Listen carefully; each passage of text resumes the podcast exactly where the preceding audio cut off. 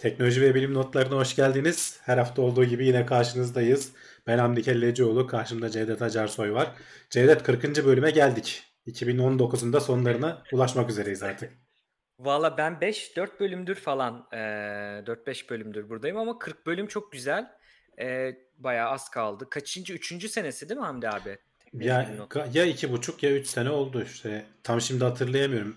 Ee, bir ara böyle her hafta yapmamıştık. Birkaç hafta atlayarak falan yapmıştık ilk Murat'la başladığımızda. Ama tam hangi yılda açıkçası hiç hatırlamıyorum. Ama ikiyi falan geçtik yani rahat.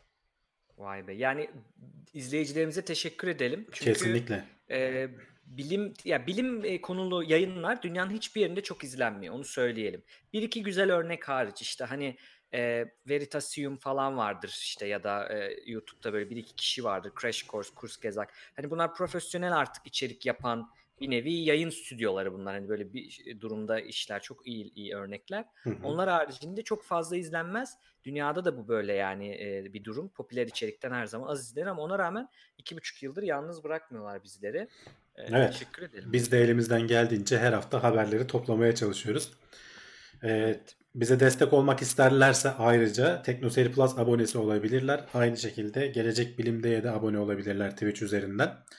Ee, her hafta bunları aklımıza geldikçe duyuruyoruz. Gerçi bizim takipçilerimiz artık biliyorlar ama e, var mı senin de başka bir duyurun yoksa istiyorsan Yok. haberlere başlayabiliriz. İlk defa, ilk defa izleyenler için iyi oluyordur belki hani onu duymaları ama benim de bir duyurum yok. Tabii tabii. Yayınlar devam ediyor e, gelecek bilimde de ona da bakabilirler diğer günlerde buraya gelirler. Ya zaten sık sık yapmak lazım. Hani sen bir yandan yaparken hep e, alışıyorsun bu e, duyuru işlerine falan ama dediğin gibi evet. sürekli yeni insan izleyebiliyor. Yani onlara mutlaka bu duyuruları yapmak lazım. Hatta videoların başında yapmak lazım gene. Biz bazen sonuna falan bırakıyoruz, unutuyoruz.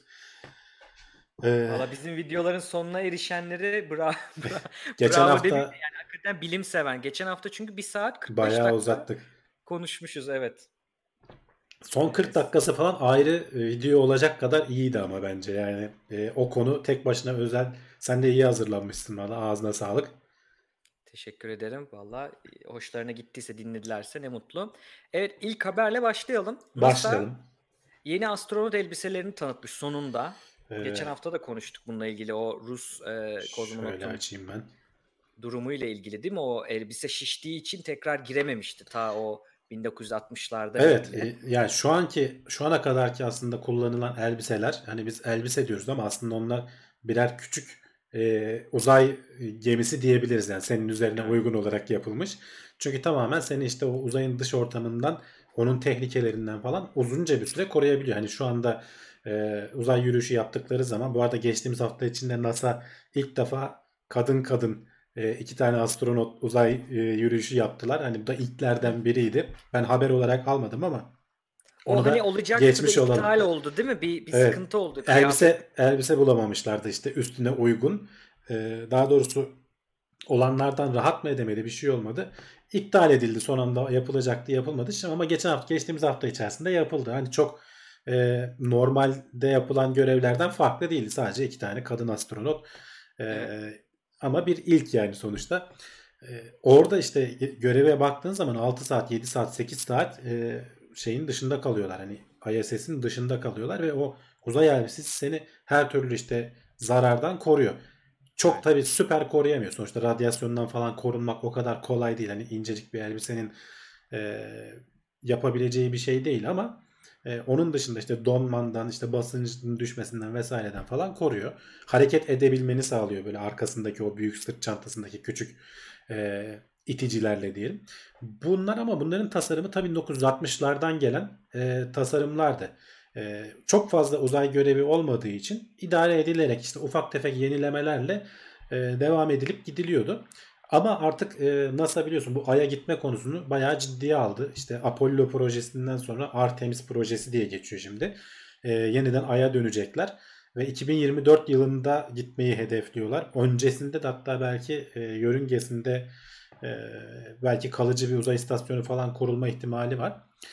Oralarda işte sana e, özel elbiseler gerekecek. Hatta işte bir e, elbise de değil iki tane elbise tanıttılar. Hatta şu videosunu da oynatmaya başlayayım bir yandan elbiseler de görüntüye girsin. E, bu e, e elbiseler e, EMU diyorlar. Extra Vehicular Mobility Unit diye bir isimleri var. Yenilerine XEMU diyorlar. Exploration eklemişler başına. Daha e, gezip e, araştırmayı, e, bir şeyleri, yeni yerleri keşfetmeye daha uygun. Bak kadın bayağı merdivenleri çıkarak geldi. E, bu bu çok iyi. Ve şu anda basınçlı bir şekilde bu elbisenin içinde. O yüzden konuşmalarını falan duyamıyor insanların. Eee yani bu, görünüşü bizim hayal ettiğimiz gibi yani uzay filmlerindeki falan ya da bu SpaceX'in tanıttığı gibi değil açıkçası. SpaceX'in tanıttığı bak sağ taraftakine benziyor. O evet. uzay gemisi içerisinde acil durumlarda seni korumak için tasarlanmış bir şey. O da belli bir miktar basınç e, kaybına kadar falan dayanıyor ama soldaki gibi öyle uzay gemisinin dışına çık e, veya gezegenin üstünde yürü. E, dolaş işte işler işleri yap falan için tasarlanmış şeyler değil. Onlar acil durum için. SpaceX'in evet. yaptıkları da sağdakine benziyordu. Bunlar NASA'nın tasarımları. Boeing'in kendi tasarımları da var bu arada. E, onların e, SpaceX ile Boeing'in bu şu an ekranda görünen e, ağır işleri yapacak tasarımları yok. Onlar bu biraz daha zor. Yalnız birazdan göreceksin e, hareket etme kapa- kabiliyetini bayağı arttırmışlar eskilere göre. E, hatta bunu şöyle bir durdurayım. E, bir yandan şu videoyu oynatayım. Eski astronotların e, ne kadar zorlandıklarını şimdi buradan göreceksin. Bak e, ayda zaten yer çekimsiz ortam daha doğrusu az yer çekimi var. E, dolayısıyla hareket etmeleri zor. bir yandan da düştükten sonra kalkmaları falan çok zor hale geliyor. Bunu Şimdi baksana bak adam debelenip duruyor yerde. Çünkü dizlerini bükemiyor. O dizlerin e, eklemleri vesairesi falan. Bunlar da 1960'larda falan tasarlanmıştı. E, ve e, ayda nasıl bir ortamla karşılaşacaklarını çok bilmiyorlardı açıkçası. Tamam daha öncesinden giden görevler falan vardı ama e, nasıl bir tozla karşılaşılacak, ne e, gibi zorluklar veya ne ihtiyaçlar olacak falan pek bilmiyorlardı. O bir problem ya ben onu bilmiyordum. Haberde okuyunca e, öğrendim onu da. Yani evet işte radyasyon önemli bir nokta. Özellikle 6-7 saat diyorsun. Hani e, uzun süre yani orada bir de süre de çok önemli. Yoğunluktan e, yanında yoğunluğun yanında süre de çok önemli bir faktör radyasyonda. Hani emilim ne kadar vücut emecek e, hem o düşünülüyordu ama Ay'a gittiklerini şunu fark etmişler ki o Ay kumunun içerisinde küçük cam parçaları da var. Hı hı. Yani bunların korozyonuna da dayanması lazım bu kıyafetlerin. Yani bu küçük akıl aklımıza gelmemişti. Evet. Cam parçası gibi diyelim. Çünkü herhangi bir erozyon olmadığı için dünya üzerindeki gibi her türlü parçanın bütün kenarları keskin bir şekilde duruyor. Ve binlerce evet. küçük diş parçası böyle senin elbiseni parçalıyormuş gibi düşün. Veya takıldığı zaman yapışıyor üstüne.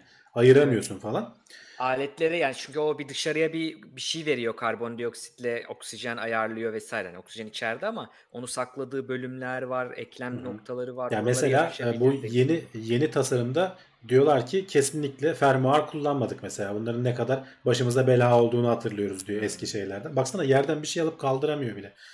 Ee, şu öteki az önceki videoya geçeyim. Ona çünkü bazı hareketleri yaptırıyorlar. Onu Şimdi tabii onu yaptırdığı yer tabii dünya. Hani o başka ama daha da zor. Yani e, burada bu adam e, altıda biri yer çekiminde yapamıyor bunları.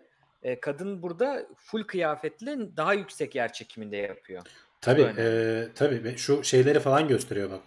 E, video biraz takılarak oynuyor niye bilmiyorum şu anda ama.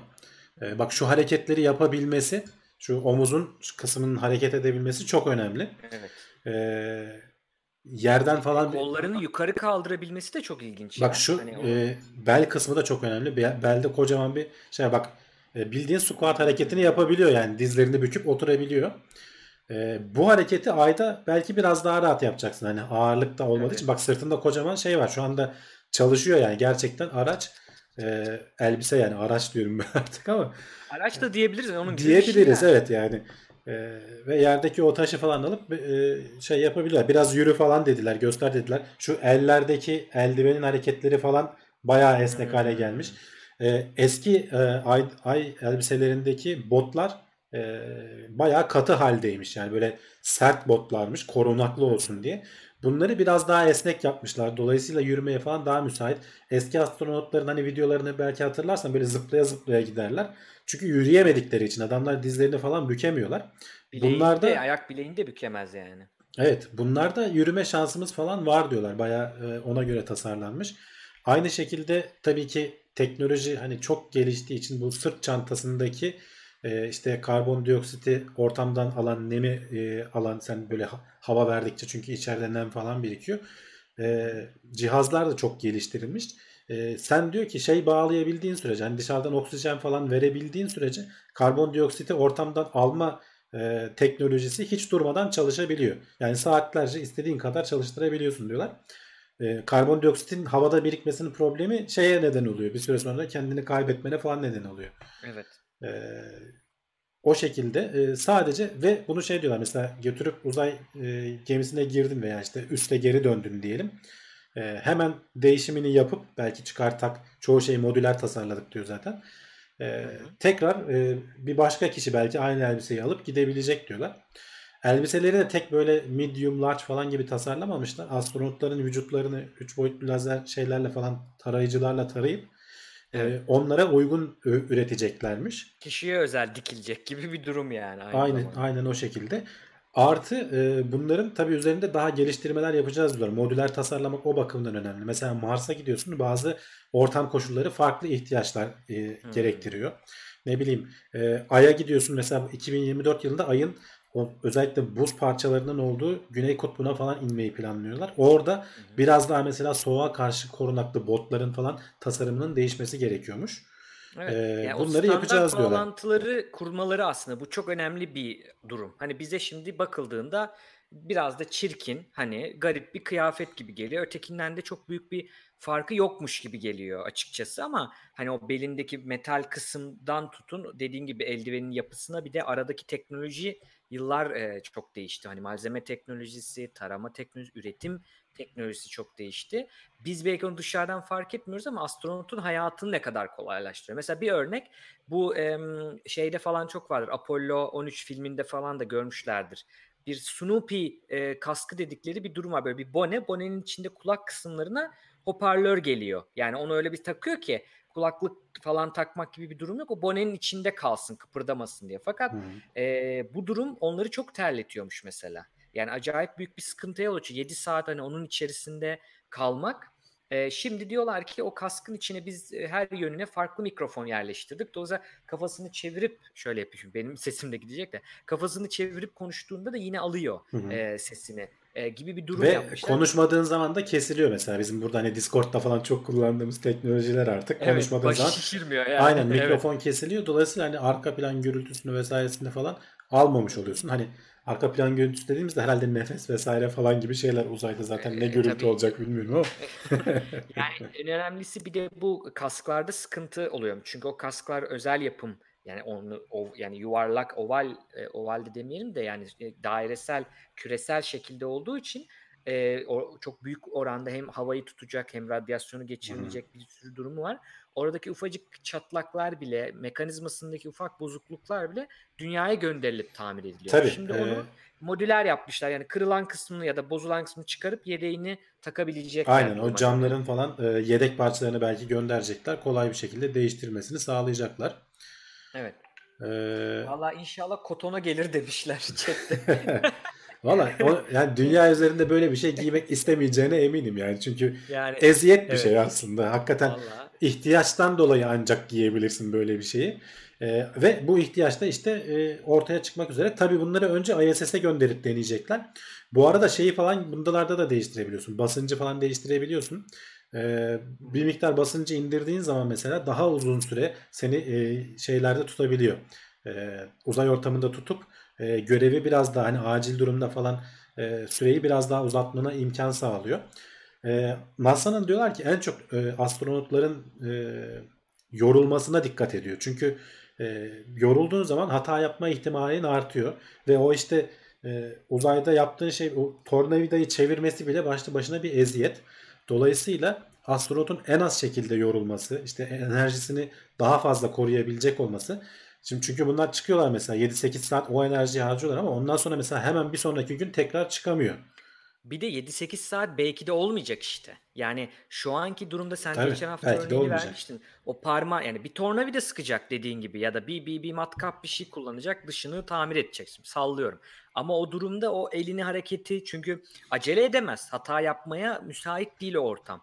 E, acele etmeyip yavaş yaptığı için belki 7-8 saate sürüyor olabilir. Belki de şimdi biraz daha rahat hareket ettiği için işte elini kolunu döndürebildiği için veya dediğin gibi kıyafetin onun üzerindeki fiziksel e, yarattığı yorgunluk azalacağı için hani daha ağır, daha zor hareket eden bir şeyi sen onunla savaş veriyorsun aslında. E, bunun gibi e, en basiti suyun içerisinde yürüme yarışması yaparlar mesela kumsallarda falan ya da havuzlarda falan akıllarına gelirse ne kadar zor değil mi hani yürümek o suyun içerisinde. Ona benzetebilirsiniz aslında hareket kabiliyetini. Bir Zaten üzerinde e, şey var, kıyafet var. Dünya üzerinde astronotların eğitimlerini falan da böyle çok büyük havuzlarda veriyorlar. Yani NASA'nın bayağı devasa havuzları var. E, tam ağırlığı simüle edecek şekilde e, yapıp e, o havuzların içerisinde eğitimlerini veriyorlar. E, çünkü dünyada zaten başka türlü e, anca işte uçakla falan çıkarsan serbest dalışlarda falan yaparaktan onun da süresi çok kısıtlı oluyor. Hani böyle elbiseye alışayım ben uzun uzun e, testlerimi yapayım Tabii. falan diyemiyorsun. O yüzden evet. e, derin... Zero, Zero G uçağı o biraz e, öyle kolay uzun sürelere 4 dakika 3 dakika vesaire tabii, kalabiliyor. Tabii. Evet. Ee, bu e, şeyden de bahsedelim. Orion e, Suite diye geçiyor. E, Orion kapsülü var ya NASA'nın kendi tasarladığı bir sonraki işte e, uzay araçlarında kullanılacak kapsül. E, SpaceX falan da işte Dragon kapsülü vesairesi falan var. Boeing'in falan da kapsülü var ama NASA'nın da bir yandan tasarladığı kapsül var. E, yani hayata ne zaman geçecek, kullanılacak mı, kullanılmayacak mı belli değil. O ayrı konu ama işte orada kullanılmak üzere dediğim gibi acil durumlarda ve bunların üzerinde şey falan da var. Ee, bir kişiyi bayağı uzunca bir süre 6 gün dedi galiba yanlış hatırlamıyorsam adam. Ee, seni e, basınç kaybı olsa bile e, dünyaya dönecek kadar düşünmüşler. E, acil bir durumda hani 6 gün boyunca falan idare edebiliyor. Hepsinin üzerinde yer konumlandırma işte sinyali gönderen bir e, araç var falan. O tarz şeyler. Veya işte hayatta dünyaya indiğinde bile e, nasıl hayatta kalabileceğin, suyun üzerinde kalmanı sağlayacak vesaire falan böyle şişebilen şeyler bu elbiselerin üzerinde var. Bunlar dediğim gibi evet. biraz daha e, acil durumda kurtarmaya yönelik tasarımlar. Hı hı. Ama hareket etmesi falan da daha kolay tabii ötekine göre. Evet. Yani artı 250 ile eksi 250 sant, e, Fahrenheit derece. İşte santigrata vursak onu bilmiyorum ne yapıyor ama bayağı bir e, zor durumda, zor koşullara tabii, tabii. E, dayanacak şekilde yapılıyor. Zaten bu ağırlığın, bu büyüklüğün, hantallığın e, diğer sebebi de o e, aslına bakarsak. Bana şeyi çağrıştırdı Hamdi abi. Sana da oldu mu? Bu Bioshock'ta bir ya, böyle bir şey vardı ya elinde. Evet, evet, evet. Değil mi? Ona çok benzettim yeni modeli. Oynayanlar bilir. Evet, evet. Aynen. Bayağı benziyor. Değil mi? Neredeyse. Korkunç bir durum. Ee, bu arada uzaydaki haberlerimize devam edelim e, InSight aracı ilk defa bir başka gezegenin iç yapısını, jeolojisini, iç e, jeo, e, jeodinamiğini incelemek için gönderilen araç InSight e, Mars'ta biliyorsun bu siz haberini yapmıştınız delici uç bir yerde duruyor. Çünkü bunu bir e, bir e, sürtünme olan, bir friksiyon olan bir ortamda çalışmaya göre yapmışlar. Onu hmm. kullanarak aslında kendini itiyor. Fakat sert kayaya değil tam tersine yumuşak kayaya gibi ee, bir yere denk gelse şey, gidemiyordu. Yüzeyi Öyle sert, yüzeyi sert, hemen altı yumuşak. Dolayısıyla tutunamıyor kenarlara ve biraz işte hareket ettikçe e, şöyle kenarında böyle kocaman boşluk olan bir e, ne denir? Çukurun içinde kaldı. Alet ilerleyemedi. Evet. Yani 15-20 santim ilerledi kaldı. Hedeflenen 5 metreydi. Hadi evet. o kadar olamadı 2 metrede baya e, bilimsel veri elde ederiz diyorlardı. E, ama 15 santimde 20 santimde kaldılar. E, ve aylardır biz konuşuyoruz aslında kaç kaçıncı seferdir bu haberini yap, yapışımız. Bir şekilde çözmeye çalışıyorlardı. Bu az önce şu ekranda da görünüyor videosunu hatta oynatayım. E, bu robot kolla e, kenarındaki toprağa e, değmeye çalıştılar önce. Bastırdılar ki e, toprağa sıkıştırırsak belki e, sürtünmeyi sağlarız. Kendi ilerleyebilir.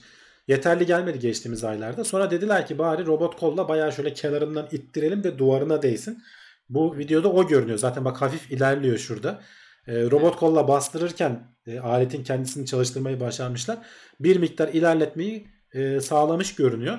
Ama hala e, tam anlamıyla şey açıklaması yok. E, kesin başarılı oldu. Bundan sonra kaptırdı gidiyor, derinlere iniyor falan diyemeyeceğiz yani. kaptırdı gidiyor. yani e, benim aklıma şeyi getirdi bu. Görseli de var onun zaten haberde.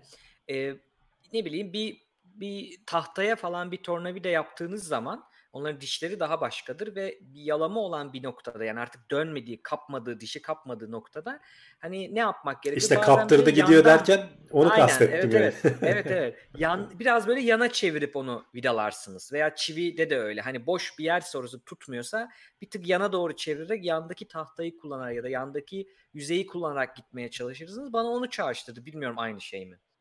Aynı şey, aynı şey. Sonuçta evet, yani bir sürtünme kuvveti lazım sana ki alet ilerleyebilsin. Ee, evet. Çünkü hani böyle up, up uzun bir boru işte yukarıdan çekişle vurabilecek bir ortamın yok. Yani kendi kendine ilerleyen bir sistem yapmışlar. Ee, bunu tasarlayanlar da Alman e, uzay ajansı bu, bu arada. Ee, evet, ve onlar çözmeye testleri, uğraşıyorlar. Evet bu DLR meşhurdur yani Türkiye'de bu pilot olacaklar bana çok soru geliyor bu konuda da onun için söyleyeyim. DLR testi, DLR 1-2 dediğimiz böyle ne kadar doğru ölçüyor yani ne kadar e, pilotlukta gerekli olan noktaları ölçüyor orası tartışmalı girmeyeyim oraya ama hani o merak edenler varsa nedir bu diyeler işte bu şeyin isminden geliyor. Hmm. Alman e, uzay ve hava, havacılık ve uzay yani aerospace havacılık ve uzay ajansının merkezinin e, isminden geliyor. Onların ilk defa orduya pilot alırken daha sanıyorum 2. Dünya Savaşı olması lazım yanlış hatırlamıyorsam. O zaman kullandıkları testten geliyor aslında e, o test. Yani şu an için dediğim gibi bu Insight'ın görevi başarılı olacak gibi görünüyor ama henüz daha kesin net açıklama yapmadılar. Ee, herhalde yeni gelişmeler olursa biz de gene gündeme konuk ederiz. Evet. Zaten 2 metreye ulaşırsa e, belli bir bilgi almaya hani evet. in, almaya yani, başlayacak. Şey diyorlar tatmin edici seviyelerde bilgi yani bilimsel bilgi almış oluruz. Tabii ki hedef hani keşke e, ilerleyebilse de 5 metreye kadar falan. Aslında çünkü şeyi bilemiyorsun. Tabii. Belki alt tarafta da hakikaten büyük kayalara denk geleceksin. Hiç ilerleyemeyecek falan. Yani Hı. biraz şans işi aslında en iyi yeri bulmaya çalıştılar ama hiç beklemedikleri bir şeyle karşılaştılar.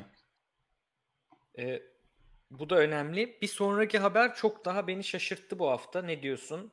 Ee, ona geçelim istersen. Ee, evet, e, 1970'lerdeki gene Mars'tan devam ediyoruz bu arada. Ee, Viking görevleri var. Ee, ilk e, NASA'nın Mars'a yaptığı görevler. Tabii ki insansız yani daha henüz giden olmadı söylemeye gerek yok aslında ama. Ee, ama robotlar yani bu Curiosity'nin veya işte ondan önceki Opportunity'nin, Spirit'in falan çok çok daha ilkel halleri. Hareket halinde de değiller zaten şöyle aslında şurada belki bu onun resmi mi tam bilemiyorum. Evet Viking'in resmi. Daha çok uzay istasyonu gibi hani yüzeye iniyor ve olduğu bölgede e, bir şeyler araştırmalar yapıyor. E, ve hani yaptığı araştırmalardan bir tanesi de canlılık var mı yok mu? E, hmm. O e, görevde çalışan mühendislerden bir tanesi uzun yıllardır diyor ki biz tabii 1976'da galiba e, yapılan testlerde aletin üzerindeki araçlardan biri labeled release diyor. Yaptıkları şey çok hani kabaca anlatmak gerekirse e, e, belli bir karbon izotopunu toprağa veriyorlar. E, Mars toprağına. E, hı hı. Aletin işte alan bir kepçesi var öyle düşün. Kapalı bir ortama getiriyor. Karbon izotopu ve içinde çeşitli, çeşitli besleyici maddelerin olduğu e, sıvıyı üzerine döküyorlar. Sonra şeyi takip etmeye çalışıyorlar. Karbondioksit salınımı olacak mı? Ve o karbondioksitte hmm. de kendi verdikleri karbon izotopunu normalde Mars'ta olmuyor. Karbon 14 galiba. E, şimdi tam yanlış söylemeyeyim ama 12 ve 13 e, Mars'ta bol miktarda bulunuyor. Ama 14 bulunmuyor galiba. Onu gönderip özellikle dünyadan onu ölçüyorlar ve e, son derece şaşırtıcı bir şekilde olumlu sonuç alıyorlar. Farklı farklı testler yaptıklarında falan da olumlu sonuç alıyorlar ama e, bir türlü e, o dönemde şeye karar veremiyorlar. Hani işin başındakiler inconclusive denir ya hani kesin sonuca ulaştırılabilecek kadar data evet. alamamışlar. E, buradaki mühendis de yıllardır diyor ki bizim yaptığımız dünyada yaptığımız testler falan son derece geçerliydi. Hiçbirinde e, yanlış pozitif veya yanlış negatif almadık. E, niye Mars'ta alalım? E, ama ilginç bir şekilde diyor NASA bir daha hiç e, canlılık canlılığı doğrudan arayan bir araç göndermedi diyor. Şu ana kadar ondan sonra gönderilen araçların hepsi canlılık için gereken malzemeler var mı ya yok mu ya odaklanıyor diyor. Şu anda Curiosity falan da öyle diyor. Hı e, ama canlılığın doğrudan e, sonuçlarını gözlemlemeye yönelik işte bizim bu labeled release dediğimiz e, araç gibi bir şey göndermediler diyor.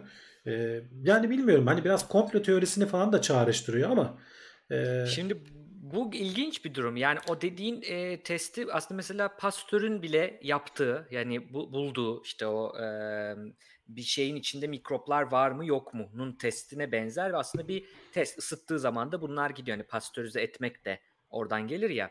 Şimdi bunun gibi bir deney aslında. Fakat e, adamların e, ya da adamın daha doğrusu adam ve onun bir o zamanki yöneticisi ikisinin aslında bu görüşleri bunlar. NASA'nın veya bütün oradaki çalışan bilim insanlarının görüşleri değil. Fakat gelen yer bize bir hmm dedirtiyor. Çünkü bu bu adam hani herhangi bir çıkmış da Mars'ta işte yaşam var diyen herhangi bir e, televizyona çıkan bir adam değil. Hani değil. Bayağı bu alanda çalışmış birisi. Birincisi bu. Benim aklıma şu geliyor Hamdi abi. E, aslında onu sormak istiyorum. Bir de onu bir soralım. Şimdi e, Twitch'ten izleyenler, Tekno sevdiklerin bir Twitch'e gelmesi lazım hemen kısaca bunu yapmak için. Anketimiz var. Sizce Mars'ta yaşam olabilir mi diye sorduk. Üç tane oy geldi şimdiye kadar.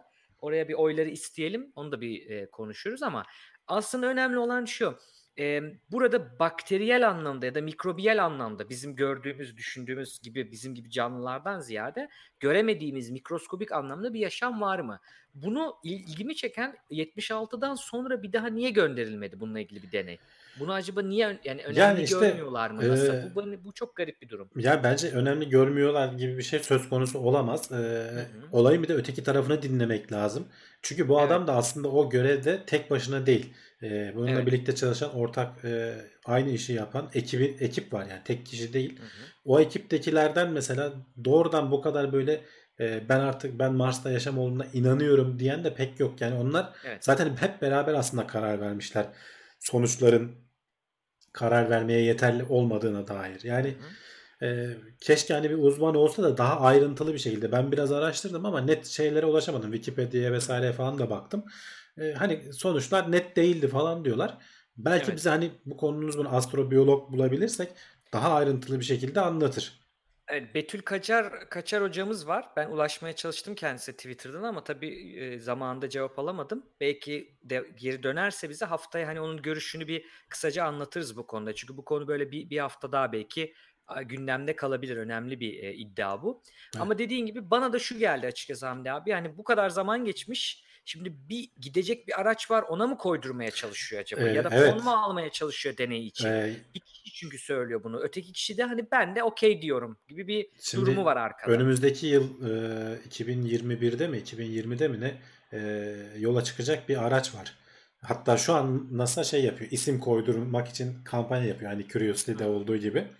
Evet. Ee, onun üzerinde ama şeyler sabitlendi. Hani gidecek e, araçlar vesaireler veya işte hangi ölçüm cihazları varsa onlar çoktan belirlendi, çoktan üretildi, testleri falan yapılıyor zaten. Yani şu anda e, onun üzerine bir şey ekletme şansı olmaz. E, bence hani adamın içinde kalmış bilmiyorum yani böyle bir yazı e, evet. yayınlamış. Ya yazının kendisi bu evet ama yaptığı iddianın tabii e, de, yani kanıtlarını bizi anlayabilecek durumda değiliz. Onu bir astrobiyoloğa sormak gerekiyor dediğim Aynen. gibi ama yazının kendi motivasyonu bana da böyle geldi. Açıkçası çünkü kendi yazmış hani bu editörden falan geçmiş. Direkt adam kendisinin haber dedi yani kendisinin Scientific American'a sanırım yolladığı bir böyle bir editöre not gibi bir şey. O da bir haberleştirilmiş ama hani bayağı bir böyle bir listelemiş işte şunlar şunlar oldu bunlar bunlar oldu hala Tabii tabii bak şu an ekrandaki almıyor? kısımda e, madde madde sonraki araçlarda hani nelerin yapılmadığını vesaireyi falan veya neden kendisinin böyle bir şeyi öne sürdüğünü falan açıklıyor adam aslında. Evet. Uzun uzun anlatıyor. Hani İngilizce bilenler ve merak edenler bence bu yazıyı mutlaka okusunlar. Evet. Ee, biz de dediğim gibi eğer bulabilirsek bir astrobiyolog falan bu konunun daha uzmanı. Evet. E, Tanıdığı olan varsa bize ulaşsın. Hani e, ulaşabilirler. Senin e, sana ulaşabilirler. Bana ulaşıp sosyal medyadan her yerden ulaşabilirsiniz. Benim maillerim falan da açık. Hani adımı arattığınız zaman mailimi bulursunuz. Dolayısıyla hani e, ulaşabilirsiniz. Benim direkt sizi görüştürebileceğim işte şurada çalışan astrobiyolog veya bu alanda hem biyolog hem astro, astronomi bilen birisi var derseniz onu e, isteriz görüşünü. Çünkü ilginç bir iddia. Ben şu burada şunu sormak istiyorum. Şimdi e, bizim anketimizde şu anda 13 kişi 14 kişi oy vermiş. E, %79 evet diyor. Mars'ta yaşam olabilir mi sorusuna. %2 e, pardon iki kişi sadece hayır demiş. Bir kişi de fikrim yok demiş. E, ben şunu merak ediyorum. Şimdi diyelim ki biyo mikrobiyal anlamda var. Hani bakteriler var ne bileyim işte bu su ayıları vardı ya galiba hı. tardigratlar var bir şekilde bu anlamda hani bizim düşündüğümüz anlamda bacaklı macaklı veya işte yeşil adamlar var öyle değil hani Mikrobiyal evet. mikroskobik evet anlamda var diyelim. Bu bizim için ne değiştirirdi yani ne düşündürürdü bize onu düşün, bir, bir hayal ettim haberi Ya okurken. bir kere şöyle e, hani dünya dışında bir yerde yaşam olduğunu net bir şekilde hani şu anda sorsan ben de ankette vardır büyük ihtimalle derim. Ama hani Evet. bunun kanıtına ulaşmak ve kendimizin hani tırnak içerisinde özel olmadığımızı farkına varmak bence önemli bir gelişme insanlık açısından. Onun dışında tabii ki e, başka gezegenlerde, başka şartlarda falan hayat nasıl evrimleşmiş, ne olmuş vesaire falan hani önümüze pek çok ufuk açacak yeni bilgiler demek aslında. Bu sorular böyle biraz e, hani bilim insanları işte rahatlar, paraları var böyle sorular soruyorlar gibi algılanabilir ama öyle değil. O soruları ararken çok başka noktaları e, açıyoruz. Zaten hani birçok bilim insanının ya da birçok e, bilgi işinin hani knowledge job deniyor artık bunu. Hani e, yapay zekanın yapamayacağı ama sizin bilgi ürettiğiniz bir insanın oturup bilgi ürettiği bir şeyler yazı ya da işte görsel neyse içerik ürettiği işlerde e, insanların motivasyon kaynaklarına biri sorulduğu zaman deneylerde, araştırmalar şu çıkıyor. E, evreni anlamak. Yani ben bu evrende niye varız? Neden orada bir ne olmuş? Bu hayat nasıl gelmiş? Şimdi biz Mars'ta adamın dediği sonraki deneylerde mikrobiyal yaşama odaklanılmadı diyor ama başka deneyler yapıldı. Yani nedir? Orada işte su yolları var. Acaba bu şekiller su yolu mu? Mesela Celal Hoca ile biz röportaj yaptığımızda Celal Hoca'nın bir makalesi var. Galiba ya Science'da ya Nature'da yeni çıkanlardan biriydi o zaman. Şunu araştırmışlar Hamdi abi. Orada bir e, vadi var ve o vadinin şeklinin bir buzulun erimesiyle oluştuğunu düşünüyorlar. Hani Türkiye yani Türkiye'de dünyadakini buna çok benziyor. Hı hı. Ve e, Celal Hoca sanırım oradaki İTÜ'deki mühendislik bölümüyle bir araya gelip bunun bir deneyini yapmışlar. Mars'ın toprağına çok yakın bir toprak bulup işte ortasına buzu dondurup alttan da böyle rezistansla ısıtıp eridiği zaman nasıl bir kayma oluyor? Nasıl bir şekil bırakıyor? Yani birazcık e, Mars'ın yüzeyinde işte metan var mı? Amonyak var mı? E, su geçmiş olabilir mi? Eskiden su var mıydı gibi daha geçmişine odaklanıyorlar. Çünkü Dünya ile Mars çok benzer. Biz bir Tabii. gün Mars olabiliriz ileride. Bunlar daha temel sorular. Evet şu an dinleyicilerimize çok e, önemli gelmiyor olabilir. İlk bakılacak nokta gelmiyor olabilir ama emin olsunlar bunların bize kazandırdığı bilgiler sonrası için veya dünya için çok önemli. Hani böyle bir geçen bir liste vardı. Siz e, yayında yapmıştınız onu. E, uzay teknolojilerinden bize kalanlar gibi. Hı hı. Hani o kadar büyük değişimler ki bunlar. Hani ufak ufak öyle teflon falan filan değil. Hani bayağı dünyanın gidişini değiştiren e, teknolojiler. Dolayısıyla öyle düşünsünler. En azından hani ben felsefik tarafıyla ilgilenmiyorum diyorlarsa cep telefonlarına evlerine gelen teknoloji açısından düşünebilirler. Geçelim sıradaki habere istersen. Evet, e, bir sonraki haberde yine e, Starlink ile alakalı bunu yine Evet. konuşmuştuk. E, 12 bin uydu düşünüyordu ilk etabı, etabı için. İkinci etabı içinde artık bir izin belgesi ortaya çıkmış. FCC'ye başvuracakları bir form gibi bir durum. Burada da 30 bin uydu için, Evet, e, 12 bin üzerine 30 bin uydu için izin istemiş. 12 bin için FCC'ye başvurdular ve FCC'den onay aldılar zaten yanlış bilmiyorsam. Hı Bu hı. 30 bin için de FCC'den önce bir şeye başvurman gerekiyor. Ee, International Telecommunication Union diye ITU diye geçiyor. Uluslararası işte Telekomünikasyon Birliği. Çünkü bunların e, kullanacağı frekansları falan ayırt, ayırtman gerekiyor kendine. E, o frekans bantlarını ayırtman gerekiyor ki sen daha bunları tasarlarken falan başka biri de aynı bantları kullanan Heh. ürünler tasarlayıp da oraya göndermesin ve aynı anda yaklaşık veya aynı zamanlarda gönderirseniz şey olmasın çakışma olmasın diye. İnterferans olmasın, girişim olmasın Aynen. Ee, sen önceden oraya bildiriyorsun. Ben işte şu kadar uyduyu şu kadar zamanda şu tarihler arasında göndermeyi planlıyorum diye.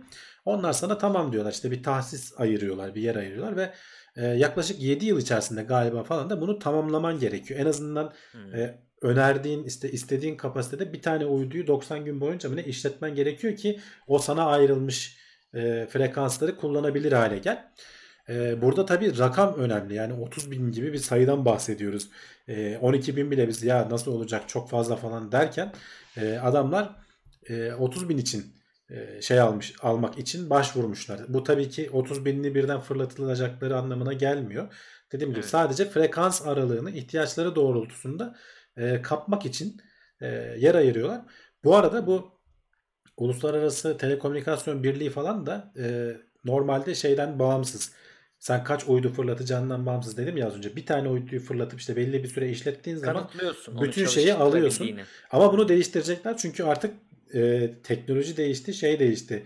Yapı değişti. Binlerce uydu gönderen, e, göndermeyi planlayan firmalardan bahsediyoruz. E, ve onların dolayısıyla belki hani planlık 30 binin belli bir yüzdesini göndermeni şart koşabiliriz falan diyorlar. Ee, hmm. Belki de SpaceX hani bu değişiklikleri olacağını tahmin edip önceden ön almak için bu başvuruyu yapmış olabilir. Ee, ama zaten şey diyorlar hani bu ITU'nun e, bu 30 bin tane şey e, gö- inceleyip de işte karara bağlayacak bir altyapısı falan da yok diyorlar yani. Ya şimdi büyük sıkıntı bu. Biz e, Umut Yıldız Hoca'nın da Twitch kanalı var bu arada takip etsinler. NASA e, JPL'den e, Jet Propulsion Lab'dan yani hani bu, bu cihazları gören orada bulunan hatta bize de gelecek böyle konularla ilgili.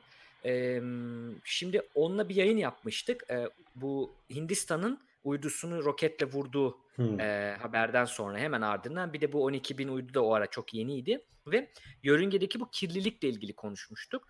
Orada e, bir şey ortaya çıktı ki eski bir NASA bilim adamının ismini şu an unuttum ama bir teorisi var, bir hipotezi var. Diyor ki belli bir noktaya aşarsa bu sayı e, bunlar birbirine çarpacağı için kontrolden çıkan uydular zincirleme bir reaksiyonla burayı kaplayabilir ve bu kaplanırsa eğer bu olursa bu sayıya ulaşılırsa e, belli bir süre siz artık atmosferden dışarıya çıkamayabilirsiniz. Tabii Herhangi kendi bir... kendini hapsetmiş oluyorsun değil mi? Evet, evet. Bunu bunu anlatan bir durum var. Hani orada da bir hesaplama yapmış aslında. E, kritik bir nokta var. Şimdi e, Umut Hoca'yla onu konuştuğumuz zaten o da bir hani e, astrofizikçi olarak, astronom olarak pardon, astronom olarak e, bunu karşıydı yani bu kadar çok uydu. Çünkü evet bunların her birinin e, SpaceX bunları söylüyor, kanıtlıyor. Ben gerektiğinde tek tek bunları düşürebilirim. Çünkü bir itki şeyiyle onu bir yörüngesini bir aşağı saptırıyor onun. Kendi kendine işte zaten o çalışır durumdayken öyle. Heh, yani evet ya yani bütün bu nokta var ya da bunların her birinin dışında bilmiyorum Hindistan'ın işte Çin'in böyle bir uydusu bir gün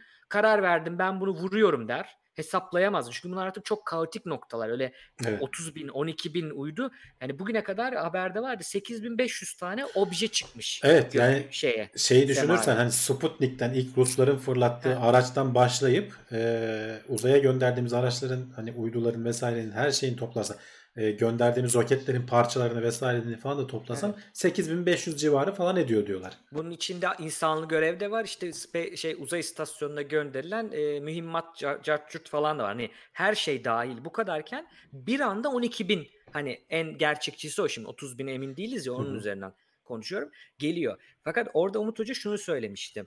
E, bu ITU denen e, Birleşmiş Milletler'in altında yer alan bir organizasyon ve bunların ana görevi aslında uydu çıksın mı çıkmasın mıdan da ziyade bu frekans bandını kullansın mı? Biraz şey gibi düşünülmüş eski zamana göre düşünmüş bir yapı. Hı hı. Yani işte ben e, TürkSat yollayacağım orada bir uydu frekansları vardır ya o kanalları sonuçta frekansları satın alıyorlar. Bunlarla biraz ilgili gibi çakışma olmasın. Ama o oradaki mekanik anlamda bu uydular birbirine ne yapacak? Bunu engelleyen ya da bunu araştırabilen ya da buna izin veren bir organizasyon yok demişti Umut Hoca doğru hatırlıyorsan. Evet, Bu evet. birazcık sıkıntı aslında. Yani ben çünkü Çin de gönderiyor der o zaman. SpaceX şimdi 12 bin gönderdi. E, Hindistan'da der ki ben de 5 bin tane göndereceğim. Kim ne diyecek? Ona, ona, ona izin verdiniz. FCC veriyor. Ben de kendi kendime yolladım der. Yani Orada bir problem var aslında. Yani zaten e, şey yapmak zor. Hani uluslararası yaptırım gücü olan biri olmadığı zaman e, Birleşmiş Milletler'in hani şu anki durumunun işler acısı olduğunu falan herkes konuşuyor. Yani kimseye e, hiçbir şey uygulayamıyorsun. Dolayısıyla işte e, kazan kazan durumu olması lazım. Hani iki tarafta sonuçta aynı frekansı kullanırsa iki taraf da kaybeder. Ama sen uzaya uydu gönderme dersen bunu kimse sallamaz yani. Orada e, bunu zorlayacak, bunu baskıyla bu şeyi kuracak kimse yok sonuçta. Kolay kolay da olacak bir şey değil. Ee, inşallah hani bir kaza durumu vesaire falan olup da başımızda belayı şey yapmayız, sarmayız kendi ya, kendimize. Geçen hafta da konuştuk ya bu tarz durumlarda benim insanlığa güvenim çok sarsılıyor bu tarz noktalarda. Yani hmm. nedir? Ee, bir sürü politik problemin olabilir, ticaret durumun olabilir ama Hani önünde bir durum var ya hani tren gidiyor trenin rayın üzerinde bir şey var. Bunu görüyorsun. Orada ya vagonu mu öyle yapalım, şunu mu böyle yapalım, yavaşlayalım. Hayır ben durduracağım freni. Hayır sen basacaksın. Hayır ben basacağım falan derkene gidiyor. Yani e, iklim değişikliği de böyle, bu uydular da böyle. Hani burada e, devletlerin bir araya gelip bir şey yapamaması beni çok e, korkutuyor ve ilgimi çekiyor. Çünkü bu bayağı bir politik psikoloji meselesi veya politik e, siyaset bilimi meselesi aslında. Örnekleri de var var yok değil. Mesela Avrupa Birliği konuşulurken şimdi tabii çıkanlar falan oldu ama genel olarak baktığınızda şunu çok şaşırıyor uzmanlar. Nasıl oluyor da bazı ülkeler iç meclislerindeki karar mekanizmasını bayağı hani meclisin karar alma etkisi var. Bunu alıp sen Avrupa Parlamentosu'na devrediyorsun bazı noktalarda. Bu çok ilginç bir şey. Yani bir uzman anlatırken Bilim Akademisi'nin yayında dinlemiştim. Uzman anlatırken diyor ki bayağı egemenliğini sen alıp ülke evet. olarak dedim ki evet. Fransa egemenliğini alıp bir kısmını büyük bir kısmını gidiyorsun Avrupa Komisyonu'nun şey ya da parlamentosunun kucağına bırakıyorsun. Bu çok ilginç bir şey ama bunu yapıldıysa o kadar o kadar önemli bir noktada bile buralarda bir araya gelememeleri hakikaten orada Greta'ya biraz hak vermek lazım. Yani gelecek nesiller hakikaten affetmeyecek bunu yapamayanları. Buna bir araya gelip de bunlara karar veremeyenleri. Bütün hepsini kapsayarak söylüyor. Evet. Ama zor. Yani bir inisiyatif evet. dediğim gibi insanlar herkes aynı. Gelecek nesiller de muhtemelen bunlardan farklı olmayacak. Hani ben onu söyleyeyim şimdiden. Evet. Ee, tek farkları şey olur. Başları gerçekten sıkıştığı için e, ortak hareket etmek zorunda kalabilirler. Aynen. Buradan sesleniyorum. Araştırma fonu veren kurumlar Hollanda'da, Türkiye'de. Bana fon verin bunun araştırmasını yapacağım arkadaşlar. E, espri bir yana tabii daha zor o iş ama yapılması lazım. Bakmak lazım buna. Ee, bir sonraki habere geçelim istersen. Geçelim. Ee, aşı karşıtlığı ile ilgili bir haber. Evet, bağlı bir haber. Onu hemen özetleyelim. Aşı karşıtları ile ilgili konuşmak için, anlaşmak için daha doğrusu ikna etmek için değil ama anlaşmak için dört tane ipucu. Bunu gördüm.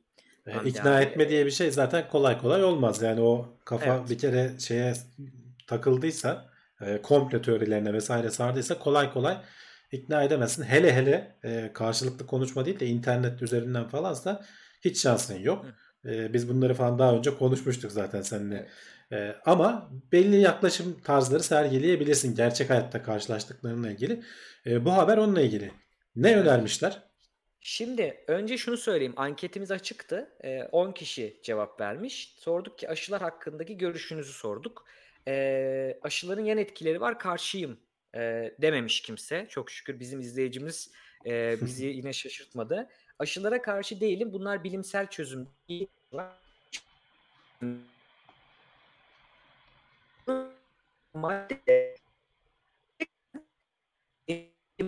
Bir sesin kesildi Cevdet senin ama şu anda. Sen beni duyabiliyor musun? Duyabiliyorum. Senin senin sesin bayağı takılarak geliyor şu anda. Ha, bir dakika bir daha deneyeyim. Şimdi Ses düzeldi deneme. istersen. Ses deneme tamam. Yok şey e, bağlantı kopmasıyla ilgili hani senin Hı, mikrofonun tamam. ayarıyla ilgili değil. Ama şimdi Şu düzeldi. An düzgün. Düzeldi. Tamam. Son birkaç ee, cümleyi tekrar söylersin. Hemen. Yani aşılara karşı olmayan zaten tamam cepte.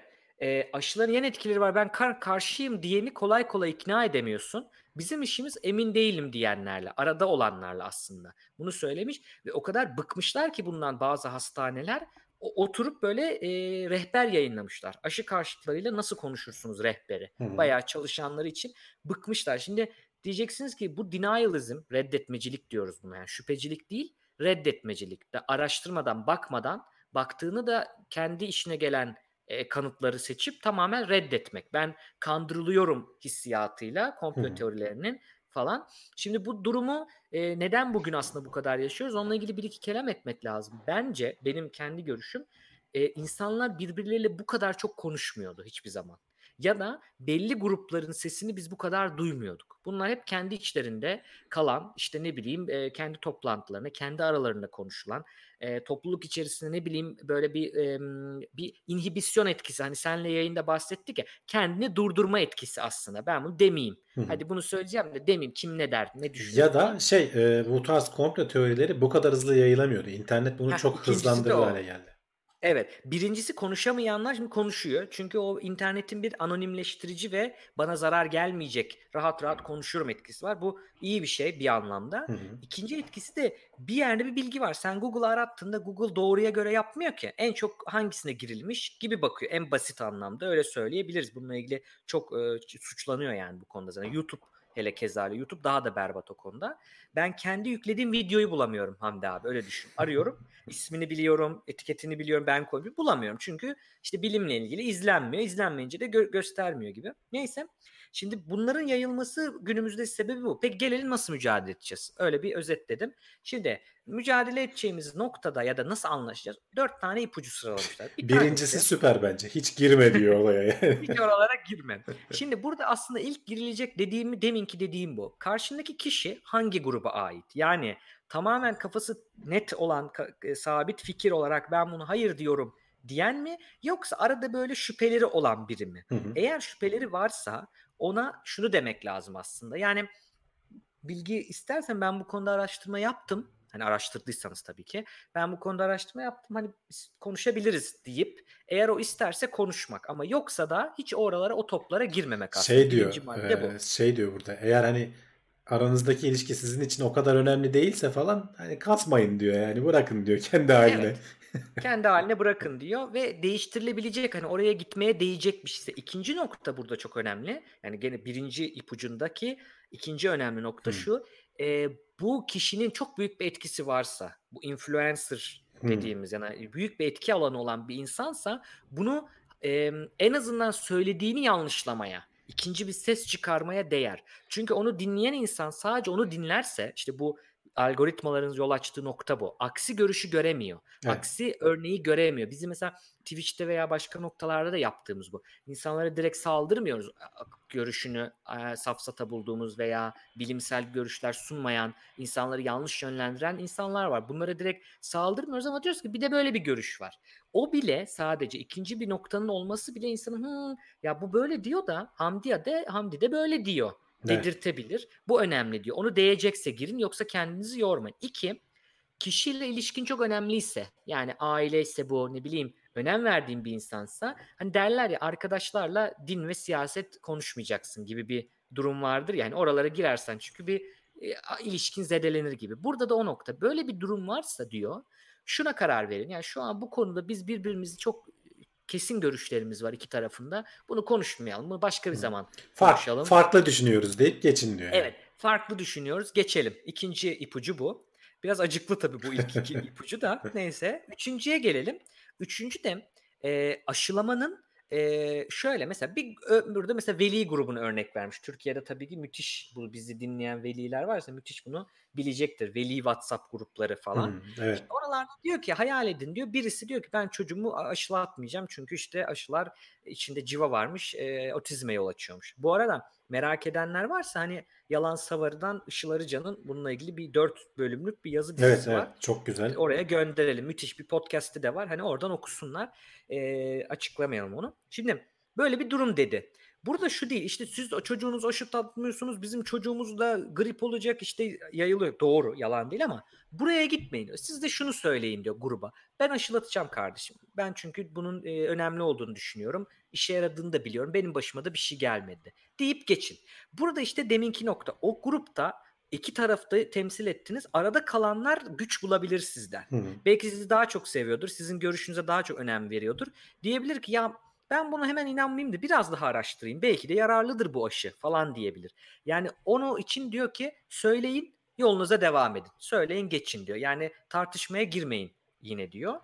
Şimdi dördüncü ipucu da önemli. Bu asıl hani dedik ki arada kalanları ikna edeceğiz. Peki bunu nasıl ikna edeceğiz? Burada önemli nokta Hamdi bizim hep aslında klinik psikolojide öğretilen, gözlem görüşme tekniklerinde öğretilen ama benim toplumda gördüğüm ve çok bunu yapmayı bilmiyoruz aslında. Belki de duygularımıza da yeniliyoruz. Şu biri size bir derdini anlatıyorsa genelde o derde çözüm bulmak değildir birinci amaç. Bir örnek vereyim. Sen şimdi bana geldin dedin ki işte ya Discord takılıyor çok fazla sıkıntı oluyor. Yani ben de çok yoruldum falan sallıyorum şimdi tamamen. Buradan ipu şey yapmasınlar dedikodu çıkarmasınlar da. Dedin diyelim. Şimdi bunu dediğin zaman ben şunu da diyebilirim sana. Ha öyle mi ya Discord'un bilmem ne bilmem ne ayarı var çözeriz ya boş ver falan da diyebilirim. Şunu da diyebilirim. Ya evet ya çok zor bu işler aslında. Yorgu, yorulmakta haklısın da diyebilirim aslında. Bazen insanlar sadece bunun için şikayet ediyor Hamdi abi. Evet. Yani sadece benim bu derdimin, yorulduğumun, üzüldüğümün neyse onu bilmek. Dolayısıyla öncelikle şu insanlara daha ben aşı yaptırmayacağım dediğinde böyle yüzüne yüzüne vurmak gibi hani anlatmayın da bir sakin olun şunu dinleyin. Öyle mi anlayabiliyorum ya hani çünkü çocuğunun hayatı söz konusu. Evet yani önemli bir şey. Ee, kararsız mı kaldın? Ne oldu? Niye böyle düşünüyorsun? Bir anlayın. Önce bir şeyi düşmanınızı tanıyın aslında.